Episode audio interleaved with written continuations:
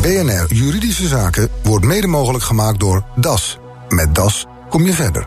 BNR Nieuwsradio. Juridische Zaken.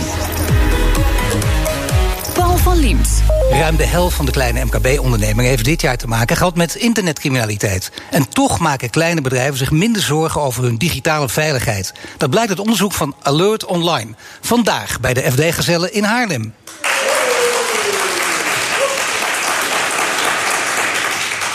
Staan twee ondernemers die hun geld verdienen met deze cyberveiligheid. Maar eerst juridisch geweten Nelleke van der Heijden. Nelleke, hoe zit dat met die internetaanvallen bij het MKB? Nou, Paul, dit jaar, dat is dus nog niet eens afgelopen, heeft 52% van de kleine bedrijven ermee te maken gehad pogingen om geld of gegevens buiten te maken.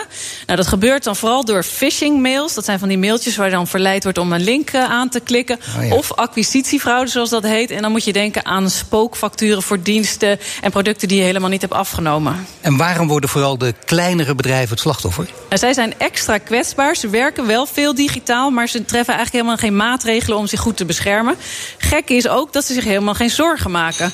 In 2017 maakten ze ook 65% van de kleine bedrijven, dan heb je het over bedrijven tot negen werknemers, maakten zich geen zorgen over hun veiligheid. En dit jaar is dat notabene gestegen naar 75%.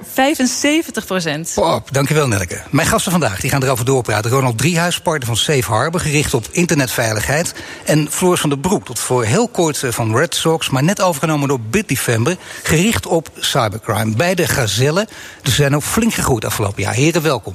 Dankjewel. Dankjewel. Ik begin met, eh, nou misschien dan toch met eh, de man die net is overgenomen, namelijk eh, Floris van der Broek. Hè. Red Sox eerst en overgenomen door Bitdefender. Misschien heel kort iets eerst over het eigen bedrijf. Ja, vorige week aangekondigd, die overname. We zijn een bedrijf wat virussen detecteert, om maar te zeggen. Threats noemen we dat zelf. Dus alle soorten inbraken detecteren we. En daar rapporteren we over. We zijn overgenomen door Bitdefender. Dat is een van oorsprong Roemeens eh, antivirusbedrijf dat software maakt om virussen te En bestrijden. jullie zijn overgenomen met de bedoeling ook om exponentieel te gaan groeien. Absoluut. We kunnen gebruik maken van Bitdefenders internationale verkoopkanalen. En eh, die zijn in 80 landen, dus daar gaan we zeker van profiteren. En jullie detecteren alles. Dat betekent, eh, er gaat echt niks aan jullie oog voorbij. Er gaat heel weinig aan ons oog voorbij. Oh, we zien, toch we zien eh, buitengewoon veel. We hebben zelf een eh, zogenaamde threat intelligence afdeling. Die verzamelt de verschillende dingen die hackers doen. En momenteel hebben we per uur 50.000 nieuwe updates daarop. Ja, maar je hebt altijd mensen die willen garanties en zo, maar die zijn er niet, hè? Garanties zijn er helaas niet in cybersecurity. Nee, nou ja, voor jullie toch fijn. Dan kun je wel blijven doorgaan. Gewoon steeds nieuwe systemen bedenken. En dan eh, Ronald Driehuis eh, van Safe Harbor. Wat doen jullie precies? Uh, wij richten ons op zorg en overheid. En wij proberen informatiebeveiliging een stuk makkelijker te maken. Dat houdt in dat alles regeltjes waar je aan moet voldoen, dat, wij, dat hebben we uitgewerkt zeg maar, in, een, in een softwarepakket. En het is een softwarepakket dat ook echt 100% garantie biedt, of niet? Uh, 100% garantie krijg je pas bij de implementatie. Ja, ja, je moet er wel wat voor doen. als je doodgaat, zeggen ze meestal toch, of niet? Ja. En, en, zelfs dan moet je oppassen. Nee, maar uh, de kleine ondernemer, daar gaat het nu om. Want mensen denken, wacht even, we horen het ook, hè, ik zeg het ook in mijn inleiding... Uh, ja, die is heel, zijn heel vaak de pineut. Maar zijn ze ook te naïef? Uh, ja en nee. Uh, ja, nee. is, gewoon, ja, is gewoon een vak. En uh, je ja. moet wel weten wat je moet doen. En als kleine ondernemer wordt van je verwacht dat je eigenlijk uh, meerdere vakken gaat beheersen. Maar wat vergeet de kleine ondernemer dan? Ik denk de technische weerbaarheid. Dat daar de kwetsbaarheden zitten. Ik hoor wel veel kleine ondernemers die zeggen: ik zou dat wel willen, maar één, het kost me heel veel geld. En twee, ik heb het al heel druk, moet ik ook nog een hele reeks cursussen gaan volgen. Ja, dat is waar. En dat is juist het probleem. Dat zouden ze toch moeten doen. In ieder geval verdiepen of zorgen dat je een oplossing kiest die uh, gewoon inherent veilig is. En wat doet Safe Harbor uiteindelijk op dit moment? Tenminste, stel dat die kleine ondernemer wel genoeg geld heeft. Uh, wat wij kunnen bieden is op het gebied van privacy gewoon een compleet handboek en alles wat je moet doen om aan die AVG te voldoen. Dan weet je in ieder geval wat je beschreven moet hebben en welke acties je moet ondernemen om te zorgen in ieder geval dat je op dat gebied uh, ja, compliant bent met datgene wat de AP van je vraagt. Die aantallen die, die Nelke net noemde zijn wel enorm. Echt gigantische aantallen natuurlijk. Hè. Die, moeten omlaag. Daar moet je ook als kleine ondernemer van schrikken. Want het, uiteindelijk, de afrekening aan het eind van het jaar, daar zie je het ook in terug. Ja, dat klopt. En uiteindelijk uh, zal je ook aan die eisen moeten voldoen als ondernemer, omdat uh, je klanten dat ook vragen. En uh, hoe zit het eigenlijk, Floris van der Broek, met die eisen waaraan voldaan moet worden? Want we hebben natuurlijk ook met nieuwe privacywetgeving te maken. Helpt die om boeven te vangen of staat die het in de weg? Nou, beide eigenlijk. Eh, Aan de ene kant helpt Ook het al vooral. Eh, het helpt vooral, eh, dat is in ieder geval mijn mening. Je hebt daardoor regels waardoor bedrijven die informatie opslaan... in ieder geval aan een aantal voorwaarden moeten voldoen. Dat is wel heel belangrijk. Zowel voor het opslaan zelf als voor het bewustzijn, wat je net ook noemde. Ja. Waar het een beetje dwars zit, maar dat is misschien meer voor de insiders... is als wij hackers opsporen... en we sporen hackers op omdat we willen zien... wat zij vandaag en morgen weer gaan doen aan nieuwe hacks... Eh, dan maken we ook gebruik van informatie die we vinden... doordat bijvoorbeeld domeinnamen geregistreerd worden. En nu is ook de informatie van de registrator van de domeinnaam... ook onzichtbaar geworden. Dus laat ik zeggen, de hackers zijn ook weer iets eh, onzichtbaarder en eh, beter beschermd. Ja, dat is dan weer een, ja, nadeel eigenlijk. Ja, ik, ik denk dat het voordeel in dit geval tegen het nadeel opweegt. En we vinden wel weer andere manieren om die hackers verder te volgen. Phishing en spookfacturen zijn heel belangrijk. Een groot aandeel binnen de cybercrime. Hoe groot is, is dat aandeel? Eh, Dat is behoorlijk groot. We weten nooit precies hoeveel, omdat kleine ondernemers ook nog een soort schaamte hebben en dit niet rapporteren aan eh, politie of ja, mag ik externe daar partijen. voor die schaamte met name? Ja. Dat kan ik me ook voorstellen. Of je bent DGA, denk, kijk eens even, ik ben een grote jongen, een grote mevrouw. Ik heb het allemaal goed voor elkaar. En eh, ik maak die fouten niet, dat doen de anderen. Ja, zo is het ook een beetje. En je hebt ook in de praktijk natuurlijk weinig, weinig budget om IT te doen. Laat staan security in IT te doen.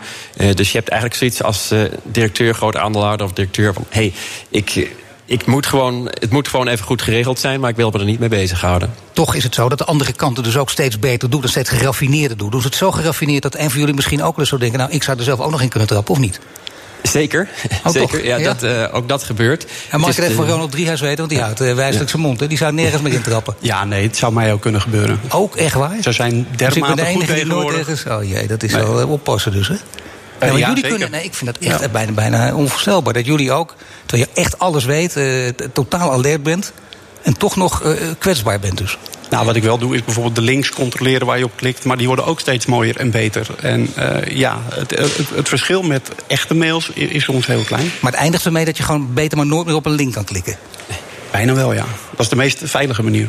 Ja, Floris van den Broek. Nee, wat kun je dan doen? Want je, Ja, je je wilt kun- toch niet als je zelf expert bent daar intrappen? Dat kan niet. Nou, je kunt natuurlijk zelf het adres intypen of de naam intypen van het bedrijf wat deze mail stuurt. Eh, Ik denk dat je heel vaak kijkt naar dingen, eh, tips die even gegeven worden. Bijvoorbeeld, eh, is er een groen slotje in beeld boven in de browser? Nou, dat is op zich een goed teken. eh, Maar dat wil niet zeggen dat als het groene slotje in beeld zit, dat je dan veilig bent. De verbinding is veilig, maar de website zelf kan nog steeds gefaked zijn en door een ander bedrijf gemaakt En zijn. heel goed gefaked zijn. Want sommigen zijn er dus zo goed in dat jullie er ook in kunnen trappen. Maar dan nog, hoe komt het dat je... Want je wilt dit zelf natuurlijk ten alle tijde voorkomen. Is het je ooit overkomen? Ja, en wat je doet is. nee, maar is het je ooit overkomen dat je ergens echt bent ingetuind? Eigenlijk, eigenlijk niet. Nee, ik heb wel eens een keer bijna, toen ik een, eh, een mailtje kreeg waar stond van... hey, je moet even je Google-paswoord intoetsen om dit document in eh, Google Sheets te zien. Toen heb ik bijna dat ingevoerd en dacht ik daarna... hey, er is toch iets raar met dit lettertype. Eh, dus laat ik zeggen, ik had geluk dat er nog een soort van foutje gemaakt werd. Eh, maar als dat beter was geweest, was ik er misschien mee Ja, ingetuind. ja. toch knap, hè? Maar tot nu toe dus foutloos. Ronald Driehuis ook foutloos? Of wel misschien aardig om één eh, foutje met ons te delen? Nee, tot op heden gelukkig foutloos. Ook allebei foutloos, maar eh, er kunnen fouten komen. En dan het stelen van data. Dat is natuurlijk ook steeds belangrijker geworden. Belangrijker bijna nog dan, eh, dan, dan geld. Is, is stelen van data inderdaad de allerbelangrijkste? Eh, ja, met data kan je weer geld maken. Dus data is best wel heel belangrijk.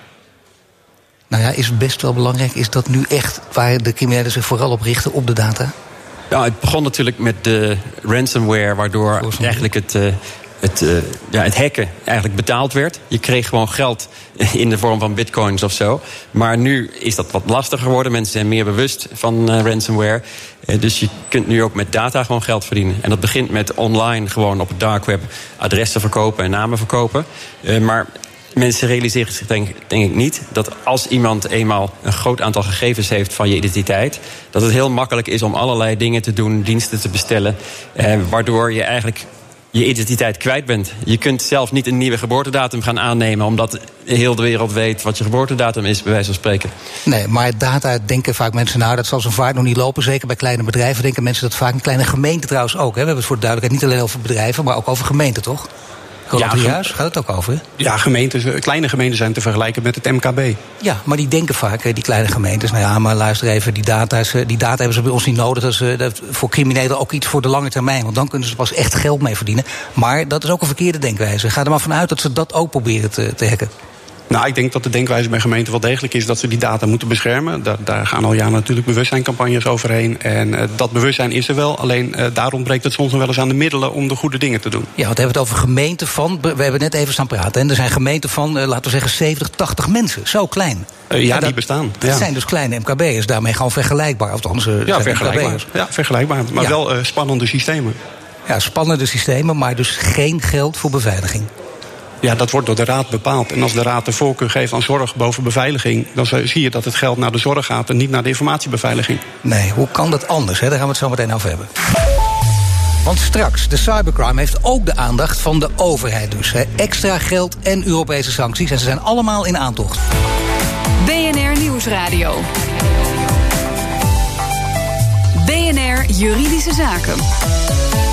Minister Grapperhaus van Justitie en Veiligheid stelt 1,2 miljoen euro beschikbaar voor training en voorlichting aan MKB'ers. En premier Rutte heeft in Europa met enkele andere landen aangedrongen op een sanctiesysteem om cyberaanvallen snel af te kunnen straffen.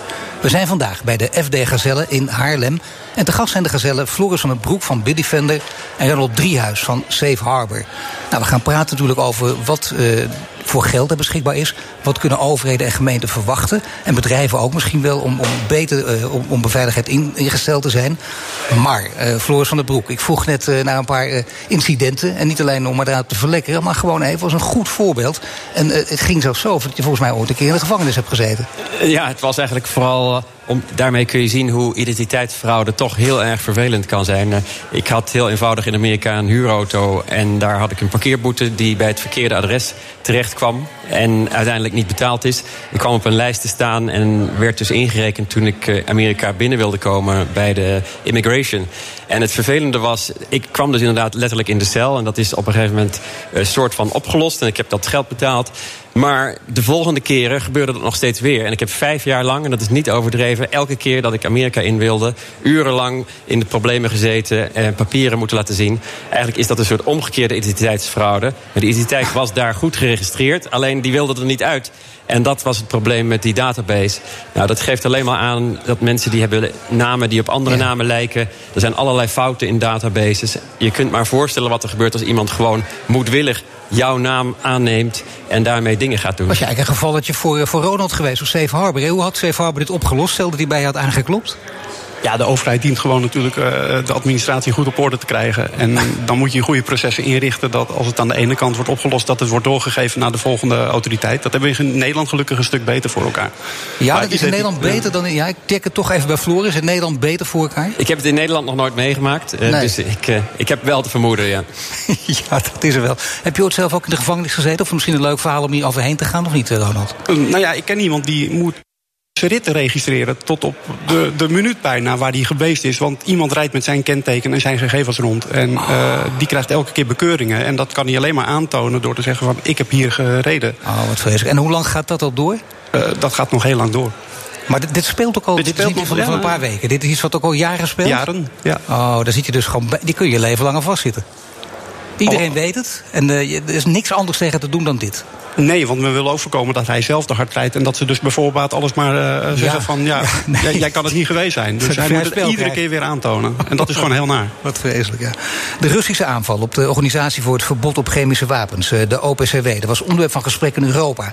Is dat een, een uniek voorbeeld van cybercrime, Floris? Nee, het is een heel veel voorkomend voorbeeld. En zeker de manier waarop het daar gebeurd is... met uh, gewoon een antenne eigenlijk achter in de auto... en dan dat apparaatje daarin, wat ze de Pineapple noemen... eigenlijk dus gewoon een wifi-netwerkje uitzendt. Uh, en dan een heleboel netwerkjes tegelijk... waardoor er altijd wel een telefoon is die daarop inspringt en die verbinding maakt. Dat, is eigenlijk heel eenvoudig. Dat noemen ze de Pineapple. De Pineapple, ja. ja. ja. Het is een klein apparaatje. Je kunt het online krijgen voor een paar tientjes. Ja, ziet er ook uit als een ananasje. nou, het is wel geel, maar het is plat. ja. Dat probleem voor die internationale spionage, hoe groot is dat op dit moment? Dat is heel moeilijk te zeggen. Wij hadden zelf het idee dat er heel veel acties zijn die veel minder zichtbaar zijn. En deze actie is natuurlijk eentje die heel heel duidelijk is. En waar mensen echt fysiek naar Nederland zijn gekomen... en gewoon naast dat uh, kantoor zijn Maar er gebeurt dus heel veel waar we echt geen weet van hebben... of geen idee van hebben. Ja, ik denk dat dat het grote probleem is uh, met cybercrime... ten opzichte van gewone criminaliteit. En dat daarom Nederlanders zich ook relatief veilig wanen. We zitten hier natuurlijk in een land uh, beschermd aan de ene kant... met België en Duitsland. Nou ja, met, we hadden toch een minister van, de, landen. minister van Defensie... die opeens het woord cyberoorlog in de mond nam. Ja, nou, zo zou je het natuurlijk kunnen noemen. Uh, het is Had jij dat gedaan of vond je dat te ver gaan? Uh, ik vond dat te ver gaan, maar wat wel duidelijk is... dat er heel veel aanvallen plaatsvinden. En die, die zien wij, die zien wij dagelijks. Uh, maar die vinden plaats en daar moet je op reageren. We hebben het ook gehad, uh, althans in mijn aankondiging had ik het over Europese strafmaatregelen met een sanctiesysteem. Uh, wat vind je daarvan, Ronald? Is dat een goed idee? Nee, ik denk dat sancties, uh, ja, dat, dat wekt enige schrik aan. Maar het is niet dé oplossing. Nee, maar het is, het is een leuk beginnetje. Of moet je er gewoon eigenlijk maar vanaf dan? Nee, ik denk dat we sancties genoeg hebben. Maar wat is dan wel de oplossing? En, en, ja, maar zeker voor ondernemers. Ondernemers worden al geschaad door een aanval. En uh, raken klanten kwijt door een aanval. En dat is ook al bewezen dat, dat de ondernemers zelfs failliet gaan door een aanval. Dus, dus dat is al sanctie genoeg, denk ik. Dus, uh... Nee, dat is een flinke sanctie. Ja, failliet gaan. ja. Zeggen, ja, eigenlijk kan niet. Maar uh, zeker niet voor de ondernemer. Maar wat zou je dan wel kunnen doen? Wat is dan wel de oplossing? Ja, de oplossing is er nog niet. Maar wat we kunnen doen is zorgen dat we uh, ja, producten toegankelijker maken... om te zorgen dat we het samen veiliger gaan maken. Maar wat betekent dat? Producten toegankelijker maken om het samen veiliger te maken? Want dat is voor mij nog een beetje geheimtaal. Misschien dat Floris nou, even kan helpen. Ik denk dat je vooral dingen makkelijker moet maken. Het is een beetje, en ik zie ook in dit geval die boetes van autoriteitspersoonsgegevens... dat is een beetje zoals de politie die op, je, op de snelweg een boete geeft... omdat je te hard rijdt. De politie ziet natuurlijk maar heel weinig van alle overtredingen... die de hele dag gebeuren. Uh, daarmee word je dan ontmoedigd om vervolgens hard te rijden. Maar eigenlijk wat je wilt doen is een gedragsverandering. En dingen zo maken dat je bijvoorbeeld in de auto je cruise control aanzet. En gewoon die snelheid vast instelt. Maar dat lijkt mij toch technisch allemaal mogelijk. Ik bedoel, technisch is bijna alles mogelijk. Dus dit kan toch ook een keer gebeuren? Nou, daar werken we hard aan om het technisch mogelijk te maken. Maar veel van de dingen die zijn ook lastig voor gebruikers. Neem bijvoorbeeld de twee-stap verificatie. Dat is heel goed technisch mogelijk. Maar voor mensen kan het toch nog heel onhandig zijn als ze eerst weer een sms-code moeten intypen als ze inloggen. Ja, moet je het een beetje die richting dan zoeken, Ronald, of niet? Uh, wel in dat soort oplossingen. Ja, ja, maar probeer ook wel makkelijk te maken. Want het is ook bewezen dat wanneer het niet makkelijk genoeg is... dan gaan mensen dat niet doen. En, maar zo werkt het altijd.